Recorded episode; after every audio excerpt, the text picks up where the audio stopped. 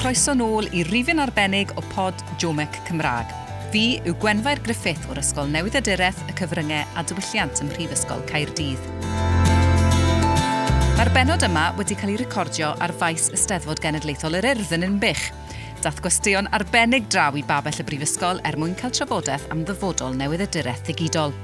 Mae'n faes cyffroes tu hwnt ac rwy'n i wrth y modd i gael cyfle i siarad â dau newydd y dirwr ifanc sy'n wrthi bob dydd yn torri newyddion, yn dilyn y trends ac yn creu newydd y direth flaengar yn Gymraeg. Roedd hi'n swnllid ac yn fywio gyda babell, ond roedd hi'n sgwrs ddifur i unrhyw un sydd â diddordeb mewn gyrfa newyddiadurol diolch i chi gyd am ddod heddi a mi'n diolchgar iawn i'n gwestiwn ni am ddod heddi. So dyma Thomas Evans, Thomas Griffith Evans, sydd yn gweithio i newyddion S4C a gan i fan hyn mae Temi Smith sy'n gweithio i Hanstim Spin. Um, mae Thomas yn un o'n cynradd y digion ni a mae Temi yn dan hyfforddiantau e gyda, gyda ITV. Maen nhw'n bobl cyffroes iawn oherwydd bod nhw'n gweithio yn um, maes newydd y direth digidol sydd yn faes sydd yn datblygu um, bob dydd yn dweud, mae'n newid drwy'r amser ac mae llawer o newidiadau yn digwydd o ran sut mae pobl yn cael eu newyddion. Chi'n gwybod bod yna symudiad ers blynyddoedd o ran pobl yn symud oddi wrth papurau i'r we um, ac o dyledu a radio i gyfryngau cymdeithasol a mae pa blatfforms sydd yn uh, boblogaidd yn newid hefyd. Os oedd Facebook yn boblogaidd iawn a dim falle mor boblogaidd gyda pobl ifanc a mae llawer o gwmni newyddion yn symud tuag at trio denu mwy o bobl ifanc, um, a wy'n gwybod hwnna'n rhan pwysig o'ch gwaith chi. Ni wedi gofyn i chi ddod me i drafod gyda ni beth sy'n be sy gweithio, beth sy'n ddim ar platfformau newyddion. So, wi moyn gofyn i chi i ddechrau, os allai ofyn i ti i, i temi, i gyflwyno dy hun a gweud pa fath o waith wyt ti'n ei wneud ar hyn o bryd. Yeah, so dwi Temi Smith. Dwi nawr wedi dyrod dan hyfforddiant um, i ITV Asper Arac. Dwi'n gweithio ar Hansdom Spin, sef platfform newyddiadurau digidol sydd yn creu cynnwys materion cyfoes i bobl ifanc ar TikTok, Twitter a Instagram. Um, yeah, dyna fe. Um, a Thomas uh, Evans, dwi, dwi'n gweithio i newyddion S4C uh, fel newyddiadurwr digidol um, a dyn ni'n creu cynnwys ar gyfer app a gwefan newyddion S4C yn ogystal â'r gyfryngau cymdeithasol hefyd. Diolch yn fawr. Felly, os allai ddechrau trwy ofyn i chi be chi'n meddwl sy'n gyffroes am weithio fel newydd y dirwyr digidol ar hyn o bryd? Dwi jyst yn meddwl mae popeth yn newid fel yn dyddiol. Dwi'n meddwl mae'r algorithms a'r cyfryngau cymdeithasol yn newid pob dydd. So, dych chi'n creu cynnwys un diwrnod a mae'n neud rili dda, a wedyn y diwrnod arall mae fe Wel, well, mae fe ddim yn neud yn dda, so mae rhaid i chi newid a datblygu be ydych chi'n neud. So, mae fe'n cyffroes achos mae'n you know, keeps you on your toes. Dych chi dych chi angen creu cynnwys sydd yn fel ymatebol i popeth trwy'r amser sy'n gallu bod yn stressful, ond mae rad fwy o'r amser, mae fe'n really, really hwyl, so mae'n cyffroes iawn. Ti'n gytuno, Thomas? Ydw, na, bendant. Dwi'n meddwl mae ma, ma trends yn newid trwy'r amser ar y cyfryngau cymdeithasol, a bron, mewn ffordd, mae pob agwedd o newyddion yn cadw'n ffres achos i chi yn amlwg mae'r mae seicl newyddion yn newid yn gyson. Ond fi'n credu bod e'n fwy um, amlwg ar y cyfryngau cymdeithasol, fel y ti Temi'n sôn, mae ma sgyrsiau pobl yn para am falle hyn a hyn o oriau, ond wedyn ni, um, mae'r ma sgwrs yn symud yn ei blaen, a mae stori'n symud yn ei blaen. So fi'n credu bod rhaid i chi i fod yn flaengar uh, fel newydd wedi dirwyr digidol er mwyn sicrhau bod, bod chi yn symud y drafodaeth yn ei blaen a bod chi yn arwen y cynnwys yna yn ddigidol. O'n i'n iawn yn dweud eich bod chi yn trio targedu pobl ifanc yn benodol yn eich gwaith chi. Um, allwch chi sôn chydig ynglyn â'r mathau o straeon chi'n gweithio arnyn nhw? Wel, gyda ni, ni'n ni, ni targedu pobl sydd yn iau falle na, na gynulleidfa um, graidd yr haglen o wyddion S4C ar dyledu. Yn amlwg mae'r rhan fwyaf o bobl um, iau falle yn defnyddio cyfryngau cymdeithasol a um, apiau a gwefannau'r gael eu newyddio nhw. Felly dyna beth i ni'n neud yw darparu um, y gwasanaeth hwnnw i bobl. Felly'r math o straeon ni'n neud, lot o straeon lleol, um, dadleuon, falle mewn ardaloedd penodol. Mae pobl, yn wedig ar Facebook, yn hoffi pethau sydd yn benodol am eu hardal nhw. Um, mae grwpiau Facebook ar gael ar gyfer gwahanol gymunedau lle mae pobl yn hoffi rhannu'r math yna o gynnwys ynddo fe. A wedyn Twitter falle yn fwy gwleidyddol unrhyw ddadleuon yn y senedd math yna beth mae pobl wir yn, yn, yn, cymryd gafel o'r straeon hynny ac yn, ac yn rhannu'r math yna o gynnwys. Um, felly, ie, yeah, dyna'r math o bethau dyn ni'n neud. Ond wrth gwrs, chom, weithiau mae'r pethau lledd gyda ni, fel dwi wedi cyfweld y phobl sy'n byw yn Ukraine, er rhaid pobl ifanc, jyst i allu rhannu straeon nhw um, o'r sefyllfa yna yn y ddiau cynnar y rhyfel yna. Ond hefyd mae angen cael y straeon llon hefyd. Chod, ar benwthnos falle, straeon bach yn ysgafnach. Chod, fi wedi gwneud stori am Eurovision er enghraifft yn ddiweddar, am, am y gyfres Heartstopper falle, bod rhaid i uh, gwylio hwnnw. Felly, chi'n dwi'n meddwl bod angen cael y cydbwysedd yna, fi'n credu dyna ni'n ceisio wneud. Beth.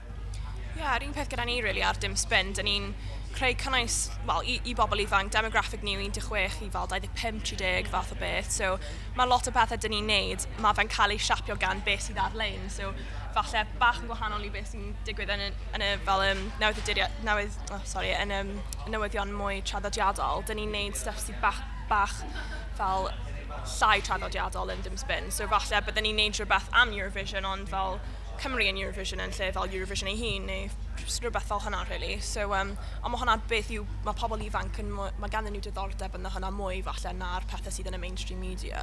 Um, ond mae'n mynd gyda gilydd, really. Dyn ni'n neud lot o crossover hefyd, so, yeah. Um, wyt ti'n meddwl bod angen creu newyddiadureth mewn ffordd gwahanol er mwyn denu pobl ifanc? Ie, yeah, 100%, dwi'n meddwl, mae pobl ifanc, mae attention spans nhw bach yn, uh, bach yn llai na um, pobl sydd bach yn hun, so dwi'n meddwl, yn enwedig ar TikTok mae gen ti tri eiliad i denu rhywun mewn i'r fideo ydych chi'n creu, so mae rhaid i chi fod yn creadigol iawn i greu cynnwys sydd yn denu rhywun a, a cael pobl i aros yn, yn gwylio pethau, dwi'n gwybod, probably yr un peth gyda erthygla fyd, ond especially gyda fideo, mae pobl, especially ar TikTok, dych chi just yn sweipio ar Instagram, dych chi'n sgrowlio i ffwrdd o fe, so mae fe'n bwysig iawn creu rhywbeth sydd yn, sydd yn creadigol iawn, sydd yn denu pobl a cael pobl i aros ar y peth dych chi'n creu. Ie, yeah, a, a fi'n credu e, dyna'r peth dyn ni'n meddwl amdano fe, really. Dwi wedi sôn um, am gyfryngau cymdeithasol. Mae, mae gyda ni rhywbeth yn y gwaith ar enw fel y burger cyfryngau cymdeithasol. Lle mae angen i chi gael, nid siŵr bod gyda chi fel quote sydd yn bachu pobl mewn, dyfyniad sy'n sy bachu pobl mewn. Wedyn ychydig bach mwy o gyd-destun a wedyn i link i'r stori. Dyna, dyna di wedi creu fel fath o um, sgerbwd. Ond o ran y fideo hefyd, fi'n credu bod ti'n hollol iawn fel pan ych chi'n ysgrifennu erthigol, mae gyda chi'r penawd yn dos, mae gyda chi'r top line, a fi'n credu mae hwnna falle yn bwysicach fydd gyda fideo, bod chi'n ceisio cael y linell gryfa yna reit ar ddechrau'r fideo er mwyn denu pobl mewn, er mwyn bod nhw'n gobeithio yn aros ac yn gwylio gweddill y fideo. Dych chi'n meddwl bod fe yn fwy heriol i greu newyddion o ystyried algorithmau ac ati? Ydy creu newyddion gyfeilgar yn Gymraeg yn fwy anodd nac yn Saesneg? Dwi'n meddwl, ia, yeah, achos mae ma gynulleid fach chi'n llai a mae be chi'n creu yn mwy nish. So, cael rhywun i fel, aros ar bech ydych chi'n creu fel wedyn ni o'r blaen, mae'n rhaid i chi fod fel hyd yn oed yn, fel, gweithio hyd yn oed yn fwy galed. So dwi'n meddwl, ie, yeah, yeah, dwi'n dwi meddwl mae fe, ma mwy anol, ie. Yeah. Dwi'n meddwl, yn sicr, chymod, mae falle cynulleidfa yn llai o bosib, ond dwi'n meddwl bod chi yn gallu cyrraedd cynulleidfaoedd di-Gymraeg hefyd. Dyna dyna sy'n gret am uh, newyddion digidol. Chymod, um, nes i sôn ynglyn â'r enghraifft yna am yr erthigol ar Heartstopper, o'n i'n cael pobl yn hoffi fe o bedwar a ban byd o um, chod yn byw yn Mexico a Portugal a bynnag, er mae erthigol yn Gymraeg o dde, oedd nifer ohonyn nhw yn gweud, o, allan ni gael cyfeithiad. so yn y diwedd nes i gyfieithu'r stori a roi e yn y comments. Felly, dwi'n meddwl bod yn sicr potensial i allu cyrraedd cynulleidfawdd di Gymraeg um, a er enghraifft, pan mae yna seleb Cymraeg falle um, wedi marw, mae yna deirngedau yn cael ei roi um, fel fideo teirnged ar y cyfryngau cymdeithasol, mae hwnna'n cynulleidfaoedd tu hwnt i y siaradwyr Cymraeg hefyd. So mae'r ma potensial yna, ond mae'n gallu bod yn heriol wrth gwrs i, i bod y cynnwys yna yn cyrraedd cynulleidfaoedd di-Gymraeg hefyd. A jyst i adio i hwnna hefyd, dwi'n meddwl, os mae yna os mae yna awydd amdan pethau yn Gymraeg, falle mae fe yn haws i wneud cynnwys Cymraeg, achos os mae, mae pobl eisiau gweld newyddion sy'n berthnasol iddyn nhw, felly fel dweudwch di am hot stopper, dwi'n meddwl, os mae, os mae angen am, am y fe, mae pobl yn mynd i gwylio fe, sgrwrio, chwilio amdano fe, so, ie, yeah, cydio. So, dilyn o hynny, ychymod, beth yw'r straeon chi'n meddwl sydd yn denu pobl ifanc um, i ddod i, i, i at gyfryngau Cymraeg i gael ei newyddion? Wel, dwedais di o fan Eurovision, mae pawb yn caru Eurovision yn Cymru, dwi'n meddwl. Lot o bobl yn, um, yn y awyddus iawn i gweld um, cynnwys dim spin Eurovision, a stuff wneud gyda'r amgylchedd, dwi'n meddwl hefyd, mae'r genedlaethau iau yn really really keen i gwybod beth sy'n mynd ymlaen yn y byd a i wneud gyda'r hinsawdd a newid hinsawdd. Dwi'n meddwl mae straeon a cynnau sydd yn wneud o'r amgylchedd, maen nhw'n ma nhw denu lot o bobl i mewn i gwylio nhw sydd yn, sydd yn fwy ifanc, dwi'n meddwl. A'n sicr, dwi'n meddwl bod i bod y math yna o bynciau yn bwysig iawn i bobl ifanc. Um, a um, falle yn amlwg yn cynhadaeth TikTok hefyd yn ywedig, maen nhw yn hoffi straeon falle bach yn fwy tabloid i falle i dan ni'n mynd mewn. Mae Wagatha Christie yr enghraifft wedi bod yn achos eitha diweddar lle um, mae nifer fawr o bobl ifanc wedi bod ar ddordeb ynddo fe, pobl yn oedran ni. Falle, falle fi ddim yn ifanc rhagor sydd ddim yn gwybod, ond uh, yn sicr, chw, mae mae y math yna o gynnwys uh, yn gallu denu pobl, fi'n credu, um, i mewn. A falle byddwn yn aros gyda ni am bethau chymod, eraill fel party gate a, a pethau bach mwy gwleidyddol hefyd o bosib. Ti'n sôn am TikTok, ti'n yn benodol yn gwneud cynnwys a newyddion ar TikTok temi. Um, Oeddi yn boblogaidd, oeddi pobl eisiau newyddion Cymraeg ar TikTok? Wel, dwi'n gobeithio bod nhw, dyna yw swydd fi, ond ie, yeah, dwi'n meddwl bod nhw. Um, mae lot o stuff ni sydd wedi'i wneud gyda explainers ar straeon newyddion, maen nhw'n wneud yn really dda, achos dwi'n meddwl, fel dodus i'r blaen, os mae pobl eisiau gweld newyddion nhw yn Cymraeg, a maen nhw eisiau gweld newyddion nhw yn yr iaith maen nhw'n siarad, maen nhw yn gwylio fe. So mae'r explainers ni wedi wneud ar stuff fel doom scrolling o sgrolio trwy social media. Falle mae, mae yn y newyddion, ond fel fel stuff very traddodiadol sydd yna. So, dyn ni'n neud y stuff fel, dyn ni'n edrych ar y stats, dyn ni'n edrych ar be mae pobl yn dweud ar Twitter, dyn ni'n neud fel Twitter talks, pobl yn siarad amdan, fel sut maen nhw'n teimlo amdan y straeon yna. So, um, yeah, dwi'n meddwl, yeah, dwi'n meddwl mae yna lot, ma lot o le iddyn ni wneud y cynnwys yna ar TikTok a mae fe'n wneud yn really dda. Dyw newyddion S-Project ddim eto ar TikTok, ydyn nhw? Dim eto, na. Ond, chwa, falle bod hwnna'n... Ydy yn y cynllun? Wel, e, bosib bod e rhywbeth yn y dyfodol yn sicr, achos hwnna, i ni'n e, bob amser yn adeiladu ac yn ehangu fel gwasanaeth e, yn ddigidol. E, ar y funud, i ni ar Facebook a Twitter, ond e, o bosib byddwn ni ar blatfform eraill yn y dyfodol hefyd. E, ond dwi'n meddwl, tyd, e, yn amlwg mae Temi wneud lot o stwff ar TikTok, ond mae'r ma twf TikTok yn weladwy iawn dwi'n credu, achos os ych chi'n edrych nôl ar y adroddiad Ofcom o arferion newyddion 2021, oedd 400 o um, bobl dros 16 yng Nghymru yn cael ei newyddion drwy TikTok. Os chi'n meddwl nôl, really, na TikTok ond ddod yn blatfform oedd pobl yn defnyddio, pobl yn gwybod amdano fe, yn ystod cyfnod clo cyntaf y flwyddyn gynt. Felly chon mae wedi tyfu yn yr eithro. Ond o hyd, dyn ni gweld Facebook a Twitter yw'r prif blatfformau ac Instagram wedyn ni. So, um, dwi'n meddwl, mae'n dal gap mawr, ond beth ni'n gweld pobl ifanc wrth gwrs sy'n defnyddio TikTok benna, felly mi fydd hwnna'n treiddio trwyddo wedyn ni, dwi'n siŵr, yn, yn y dyfodol agos wrth, wrth wneud newyddiadurau sy'n cael ei rannu ar gyfryngau cymdeithasol, chi'n gallu um, asesu a gweld faint o bobl sydd yn darllen, pa mor hir maen nhw'n darllen. Um, ydy gweld y stats yna yn effeithio ar y newyddiadureth ac yn effeithio ar beth i chi'n penderfynu wneud fel storis?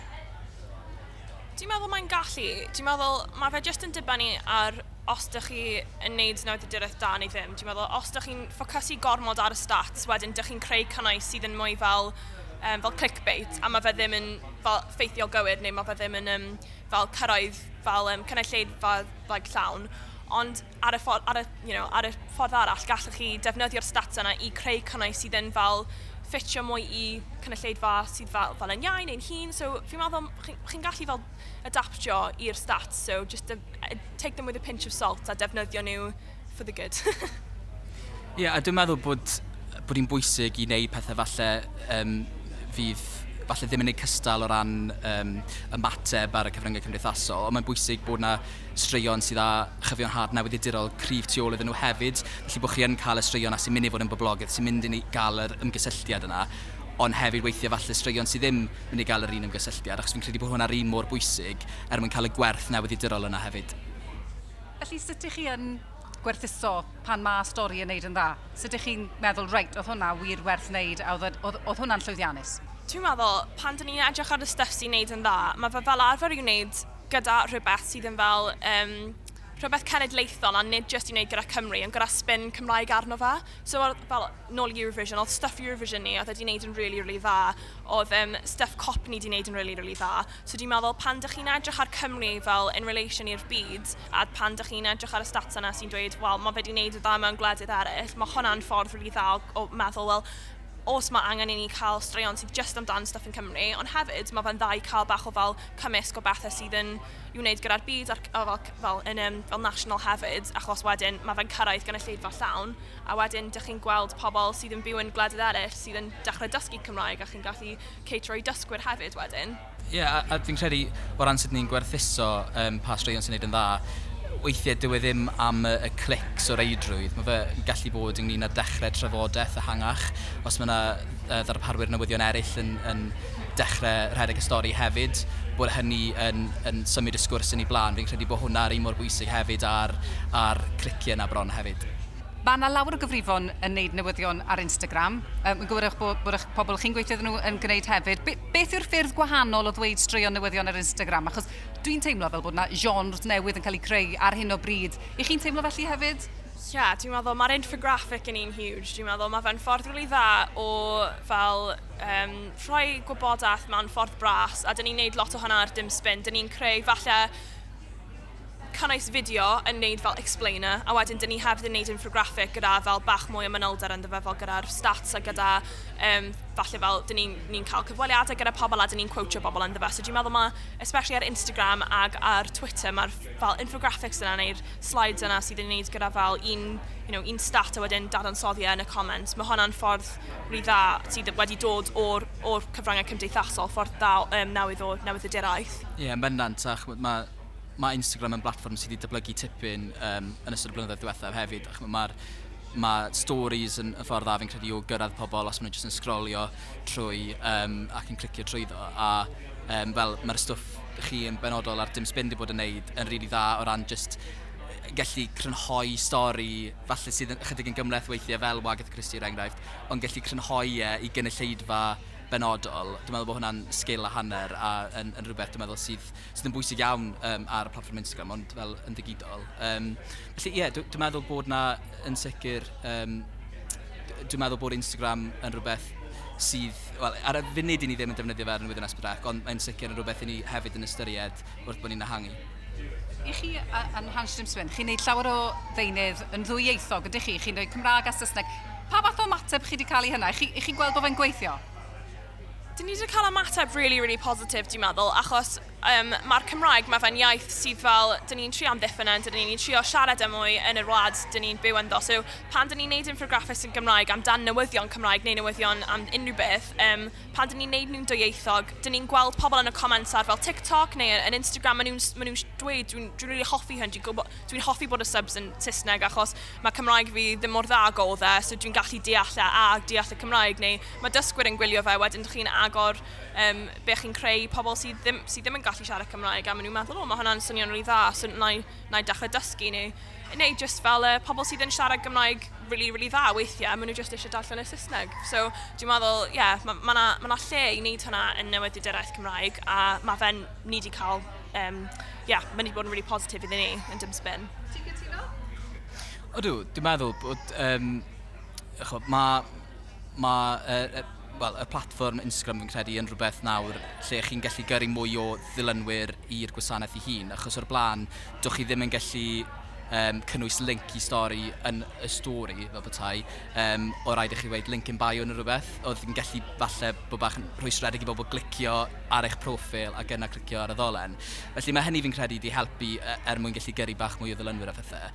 Ond um, hefyd mae gyda chi chwod, ar y grid um, gyfleoedd nawr i gyhoeddi fideos um, hirach hefyd, sy'n golygu, chywed, ar wahan yr explainers byr yma, chi yn gallu wedyn mynd i stori falle yn, yn, yn fwy dofn hefyd, um, sydd yeah, yn, yn greit fi'n credu bod nhw wedi datblygu y, y gallu hynny hefyd. O ran twyll wybodaeth ar y we, ydy hwnna'n rhywbeth i chi'n poeni amdano fe o ran, ydych chi'n gweld bod ymddiriedeth pobl yn y gwaith newyddiadurol i chi wneud yn cael ei effeithio gan y ffaith bod na dwyll wybodaeth a cham wybodaeth mas na ar y we? Yn, yn sicr yn ystod y pandemig falle chi sylwi mwy ar e, uh, gamwybodaeth ar y cyfryngau cymdeithasol oherwydd oedd pobl mor ddibynnol ar uh, dderbyn gwybodaeth drwy'r cyfryngau cymdeithasol yn ystod y pandemig, lle o'ch chi um, yn cael diweddariadau ynglyn â achosion Covid-19, y rheolau newid yr math yna o beth. Um, a felly mi oedd yna dipyn o, o gamwybodaeth yn cael ei rannu ar y pryd. Um, a fi'n credu wrth gwrs wnaethon ni lansio yn y cyfnod hwnnw, felly mi oedd hi'n bwysig yn y cyfnod hwnnw wedyn, chod bod ni yn adeiladu'r brand yna a'r ymddiriedeth yna yn y brand uh, wrth bod ni uh, yn gwneud. Uh, ond na, chywed, yn sicr dwi'n meddwl bod um, fel y Mariana Spring Springer enghraifft yn gweithio'r BBC wedi codi ymwybyddiaeth um, o'r uh, camwybodaeth yma, gyma hi yw'r gyhebydd camwybodaeth cyntaf mae'r BBC roed wedi cael. Felly mae'r ffaith bod nhw wedi gorfod cyflogi rhywun yn y rôl hwnna yn awgrymu, chymod bod, e, bod hi yn yn gallu bod yn broblem. Felly, uh, gobeithio uh, yn wir bod, uh, bod y cyfryngau cymdeithasol, mae'n gallu cael ei ddefnyddio ar gyfer pethau mor dda. I suppose Mae'r elfen yna o gamwybodaeth yn gallu codi hefyd yn achlysurol, fi'n credu.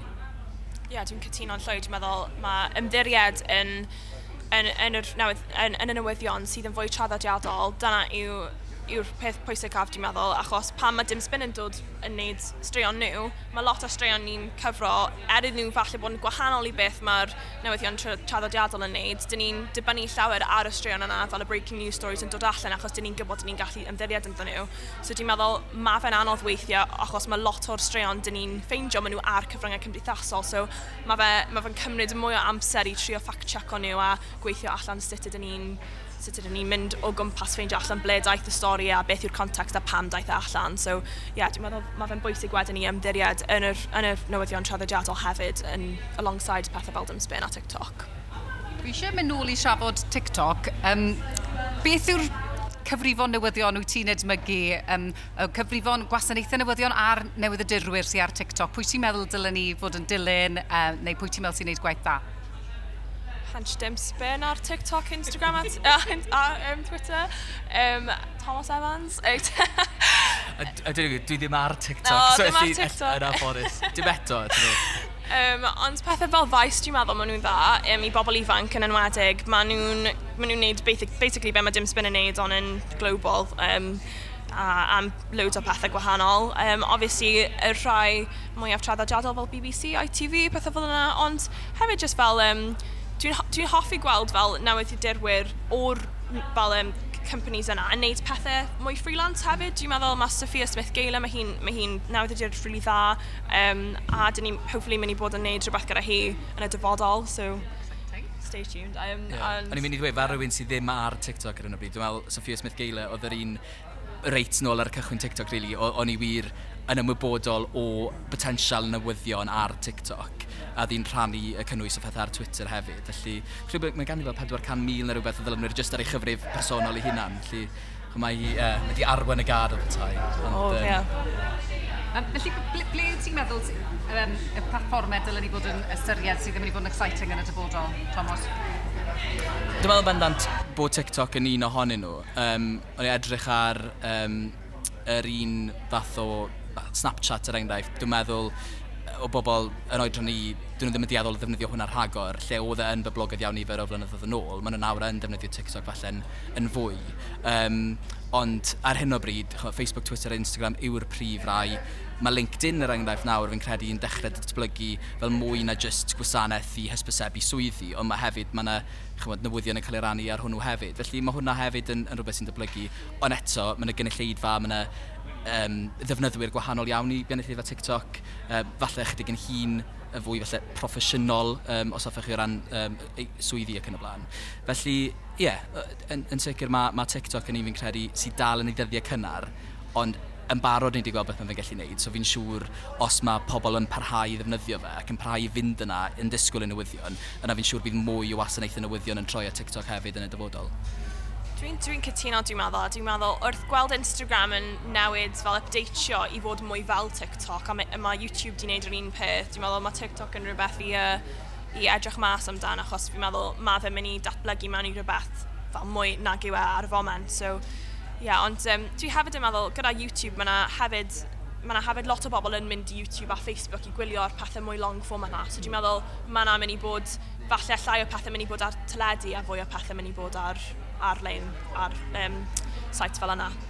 OK, um, wy jyst moyn holi chi ynglyn â sut nathoch chi ddod mewn i newyddiadureth. Um, chi'ch doi yn newyddiadurwyr ifanc.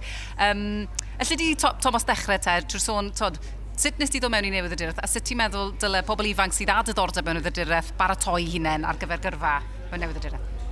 Um, Wel, dwi wedi pan, pan dwi'n siarad yn fam am hyn, mae hi wastad yn gweud, pan o'n i'n ysgol gynradd, nes i dynnu llun o'n hun yn darllen y newyddion ar teledu, so dwi'n falle, oedd e wedi deillio hynny, dwi'n gwybod. Ond yn sicr o ran o'n i'n sgwennu um, ar hyd fy amser yn, yn yr ysgol. Um, o'n i'n gwneud pethau fel uh, radio uh, yr ysgol hefyd, lle ni'n cyflwyno ar hwnnw.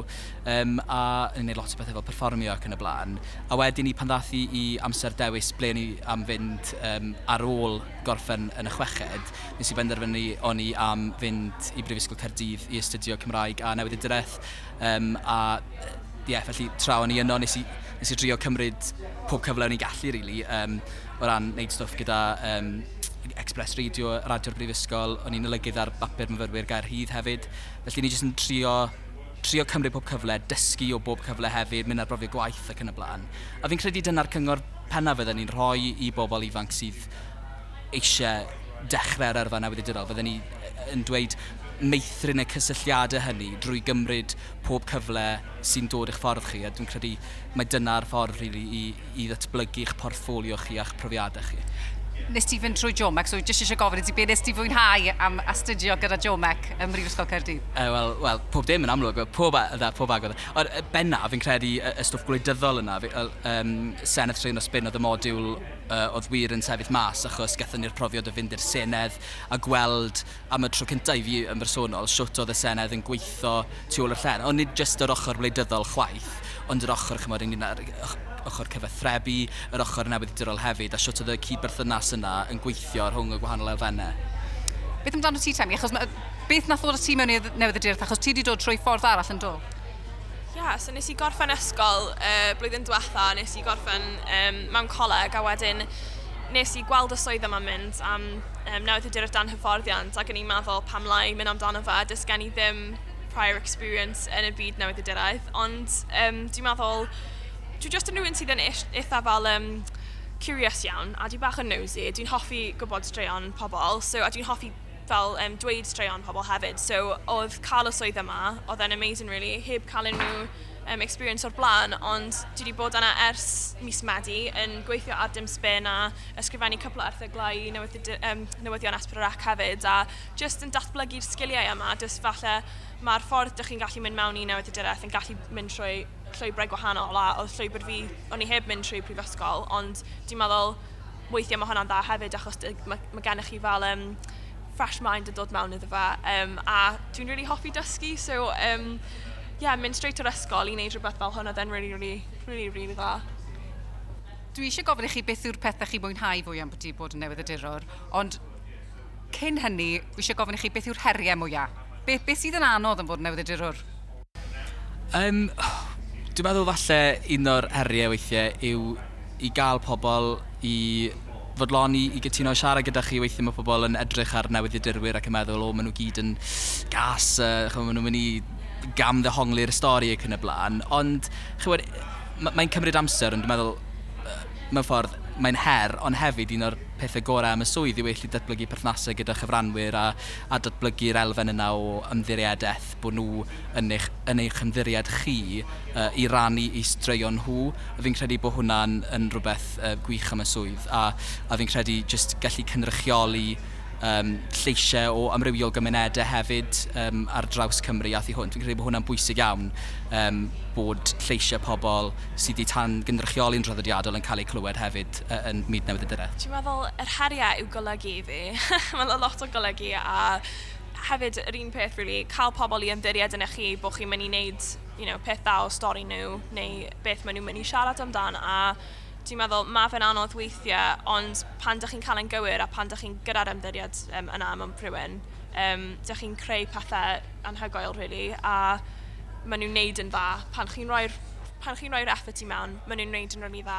Ond um, y, y peth un her arall yw, falle weithiau, dych chi'n rhoi rhywbeth lan a dych chi'n really invested yn y stori, a especially gyda cyfrangau cymdeithasol, dych chi'n rhoi e allan, a through no fault of your own, weithiau mae'r algorithm ddim yn gweithio, dych chi'n cael tri likes, ond wedyn tro arall, dych chi'n cael loads o likes ar rhywbeth, um, a mae'r stori yn cael ei rhannu ar draws y wlad, a mae fe'n neud yn rili really dda. So, ups and downs, ond fel arfer, lot of ups cyn i fi ofyn i chi beth yw'r pethau chi'n mwynhau fwy am sy'n bod newydd y diror, hoffwn i ofyn i chi, beth ych chi'n meddwl, beth byddwch chi'n hoffi gweld yn digwydd? Beth, beth allan newid, newydd y direth yng Nghymru er gwell dros y blynyddoedd nesaf, chi'n meddwl? Mae'n gwestiwn anodd, ond fi'n siŵr bod ych chi syniadau. O, dwi'n meddwl, pethau dwyieithog, dwi'n meddwl, um, dwi'n masif abdicate amdano fe, um, achos dwi'n meddwl mae newyddiadureth yn Cymru, mae fe, especially newyddiadureth digidol, mae lot o'r, or o'r stuff sydd ar-lein, mae fe, ma fe'n Saesneg, so mae cael mwy o bethau'n Gymraeg, ond hefyd just yn dieithog, fel cael mwy o balance, dwi'n meddwl, mae fe'n mynd i bod yn uh, beneficial iawn i'r um, i newyddiaeth yng Nghymru.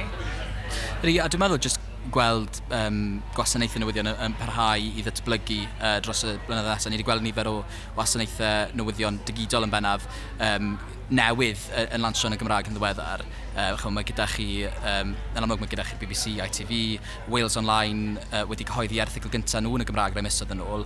Um, ond nawr mae gyda chi Nation.Cymru a'r uh, Corgi Cymru newydd lansio hefyd, a'r amlwg newyddion Esbydrec hefyd. So, mae yna ma fwy nawr o ddewis i bobl fi'n credu a beth dwi'n gobeithio gweld yw just gweld gwasanaethau yna yn datblygu a um, bod na newyddion ar gael drwy gyfrwng y Gymraeg a'r Saesneg fel o ti tam i'n dweud um, i bobl yma yng Nghymru?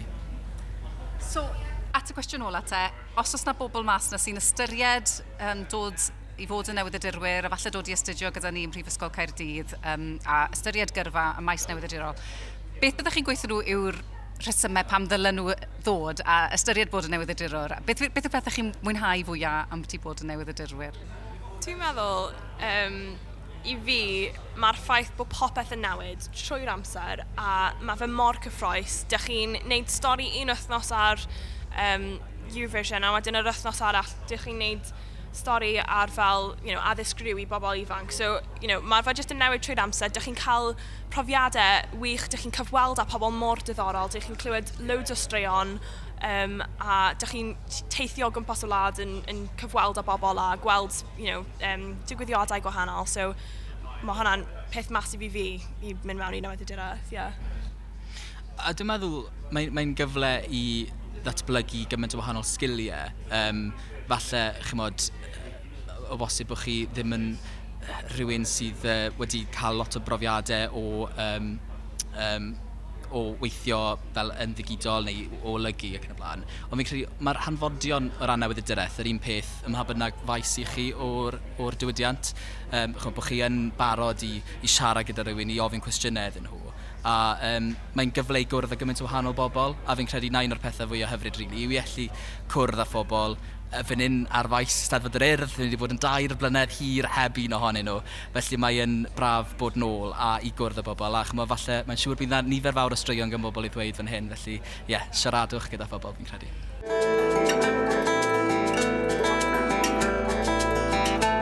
A dyna lle dath fy nghwestiynau i, Ben, ac yna tro'r gynulleidfa i holi oedd hi, ac ro'n nhw'n gwestiynau da.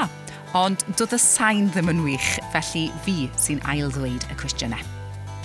So jyst ar gyfer y tap, cwestiwn fyna gan uh, Hugh Williams y Deon ynglyn â dyfodol podlediadau. Chi'n meddwl bod yna dyfodol i bodlediadau? Temi? Dwi'n meddwl, ie. Yeah. Um, achos dwi'n meddwl, yn sôn am TikTok, ie, yeah, mae pobl yn mynd fyna am rhywbeth really gloi ac i deall stori wrth mae fe'n dod allan. Ond mae podlediad yn lle really dda i wedyn datblygu ar y stori. So dwi'n meddwl mae'r pobl yna sydd yn mynd i TikTok i gweld y stori yn dod allan ac yn peth, pethau ymatebol maen nhw falle wedyn yn mynd i wylio'r newyddion neu gwrando i podlediad i deall wedyn beth yw'r fel y latest bits o'r straeon sydd yn cael ei datblygu. Um, a hefyd dwi'n meddwl, mae ma lot o pethau ar TikTok ac ar cyfryngau cymdeithasol, maen nhw'n ma nhw'n um, nhw general iawn, maen nhw'n just yn, y stuff sydd yn digwydd, ond mae podlediad yn lle rili dda yw'r stuff specific, so dwi'n meddwl mae mae podlediadau mynd i, mynd, i, mynd yn really dda, dwi'n meddwl. Maen nhw'n mynd i datblygu i fod yn mwy poblogaeth. A mae pobl ifanc falle mynd i cael yn um, sic o TikTok a sic o um, cyfryngau cymdeithasol. Maen nhw'n mynd i mynd mwy um, yn y ffordd o podlediadau. Fi'n fi credu bod yn sicr lle ar gyfer podlediadau, um, fi'n credu gyfrinach yw mewn ffordd yw i i ddefnyddio'r cyfryngau cymdeithasol i ddenu pobl i wylio'ch cynnwys neu eich, i ddarllen eich cynnwys neu i wrando ar eich cynnwys yn yr achos yna. Um, a dwi'n meddwl hefyd bod podlediadau rhywbeth sydd falle yn gallu pontio cenedlaethau gwahanol, achos bod podlediadau gyda rhyw fath o remit eitha niche, fyddwn ni'n dweud, mae yna wastad pwnc penodol iawn yn cael ei drafod. So mae yna gynulleidfa benodol iawn, um, a fi'n credu bod cynulleidfaoedd podlediadau yn gallu bod ystod eang iawn o oedrannau. Um, a beth sy'n ddiddorol am, am bodlediadau hefyd yw y ffordd mae gyda chi'r elfen draddodiadol um, a'r elfen newydd yn cael ei cyblethu. So nifer o bodlediadau hefyd yn cael ei darlledu ar y teledu. Mae gyda chi um, newscast yn cael ei darlledu bob nos iawn o question time, er enghraifft. Mae ma hwnna'n rhywbeth diddorol i fi i weld um, yr hen um, ddulliau newyddion traddodiadol a rhai newydd yn cydblethu yn y ffordd yna. So dwi'n meddwl bod y bendant yn rhywbeth sy'n mynd i barhau, dwi'n meddwl.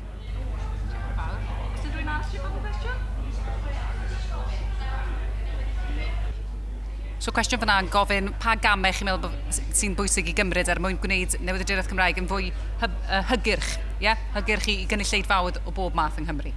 Dwi'n meddwl mae'n bwysig falle um, gyda newyddiadureth gydol i, i lacio'r defnydd o'r Gymraeg ychydig efallai. Yn wedi os ych chi'n uh, creu cynnwys ar gyfer cynulleidfa iau, uh, ych chi am fod uh, yn defnyddio iaith sydd yn gywir wrth gwrs ac yn safonol, ond hefyd sydd yn syml ac yn ddealladwy. Chi ddim am ddefnyddio geiriau mawr sydd yn gymleth.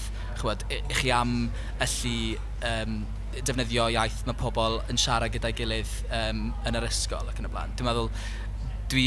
Mae'n anodd gael yn iawn, yn dweud. Mae'r ma, ma, ma balans yna yn, yn rhywbeth sydd yn anodd, dwi'n meddwl. Um, ond er, mae'r un peth pan ni'n ysgwennu, ysgwennu erthyglau, dyn ni'n ceisio bod yn, yn gryno yn y ffordd ni'n dweud rhywbeth, chwod, eitha fel to the point uh, yn, y, yn, yn, y ffordd ni'n neud e. Ond fi'n credu, ie, just llacio'r defnydd o'r Gymraeg falle, o ran y ffordd a'ch arddull chi o, o siarad.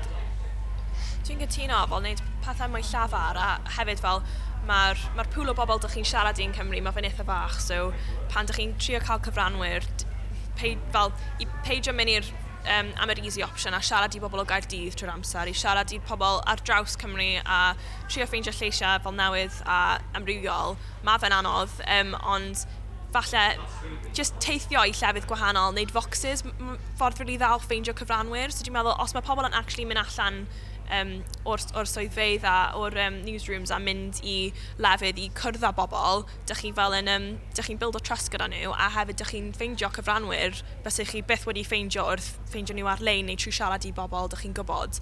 So dwi'n meddwl mae hwnna'n ma hwnna really dda i wneud. Achos chi'ch doi, i dechrau'ch gyrfa chi i'r adeg pandemig pan oedd lot o gyfyngiadau, ynddo? So mae ma pethau'n gorfod newid yn dyn nhw, a ni'n cael mynd a cwrdd â pobl mwy nawr. Chi di, chi di sylwi ar hwnna, newid yna yn eich gwaith chi? Yeah, dwi'n meddwl mae ma lot o bobl um, yn actually gallu dod mewn i'r swydd feddnal hefyd sydd yn peth rili dda, a neud yn, hyd yn oed yn fwy hygyrch i falle um, os, you know, os maen nhw methu, os ti'n methu mynd i tiro i ni maen nhw'n gallu dod mewn. So dwi'n meddwl mae ma hwnna'n lot haws nawr nag oedd e pan o'n i'n dechrau'r swydd pan oedd popeth ar-lein. Um, a mae pobl, maen nhw'n sicr bod ar-lein, so mae'n mynd allan a siarad i bobl. Dwi'n meddwl, mae fe'n ma fe dod hyd yn oed yn fwy bwysig nag oedd e cyn y pandemig nawr, achos mae pobl yn rili really awyddus i siarad i bobl am neu am just straeon oedd wedi digwydd yn nhw pan nhw yn y cyfnod clo. So, um, yeah, fi'n meddwl, mae fe'n mynd mwy fel, dyn ni'n mynd allan a siarad i bobl neu maen nhw'n dod i siarad i ni definitely pobl yn dod i siarad i ni mwy hefyd, danfon ni DMs a you know, dweud I've got a story, be ydych chi'n gallu neud amdano fe. So, yeah. A fi'n credu mae yna elfennau falle o'r ffordd pobl di newid um, yn ystod y cyfnod clo. Mynd i aros, chymod, ma, oedd Zoom yn amlwg yn cael ei ddefnyddio ar gyfer pob cyfweliad yn ystod y cyfnod clo. Ond fi'n credu mae'n rhywbeth oedd pobl ddim yn ymwybodol amdano fe, falle ddim yn defnyddio'n aml cyn um, uh, cyfnod glo, ond nawr mae fe'n rhywbeth sy'n gallu cael ei ddefnyddio os nag os modd i rywun i ddod am gyfweliad, mae'n digon hawdd iddyn nhw'n neidio ar y Zoom am 10 munud os oes gen nhw um, ffôn neu laptop. Felly um, dwi'n meddwl bod, e, bod y hyblygrwydd yna yn help mawr um, yn y byd newyddiadurol lle mae pethau'n newid yn gyson i chi am gael ymateb uniongyrchol gan bobl. Mae fe'n rhywbeth ble bynnag i chi yn y byd, ych chi'n gallu siarad â phobl a chael eu barn nhw ar stori. Unrhyw un arall sy'n gofyn cwestiwn cyn i ni gloi? Lycech chi ofyn unrhyw beth? O gore. Ia. Yeah.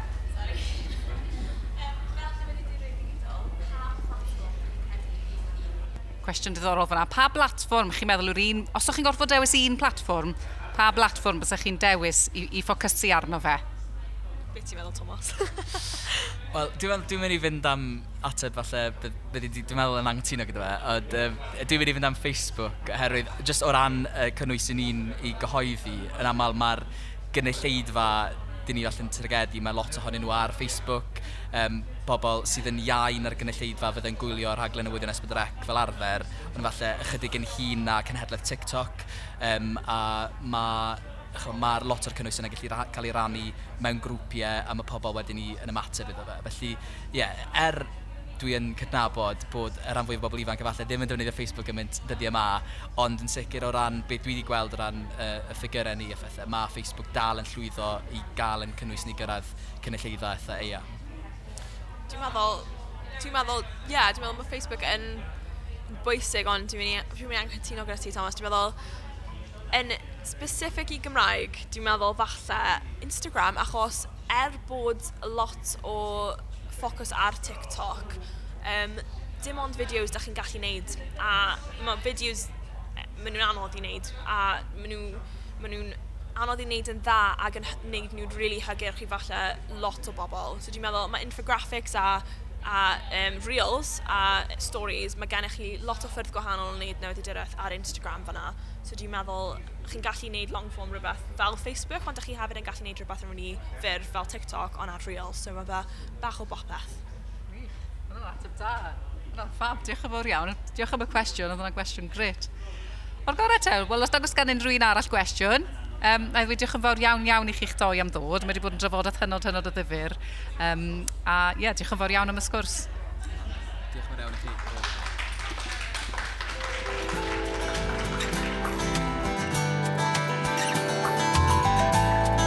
A dyna ni, diolch o galon i Temi a Thomas am sgwrs ddifur.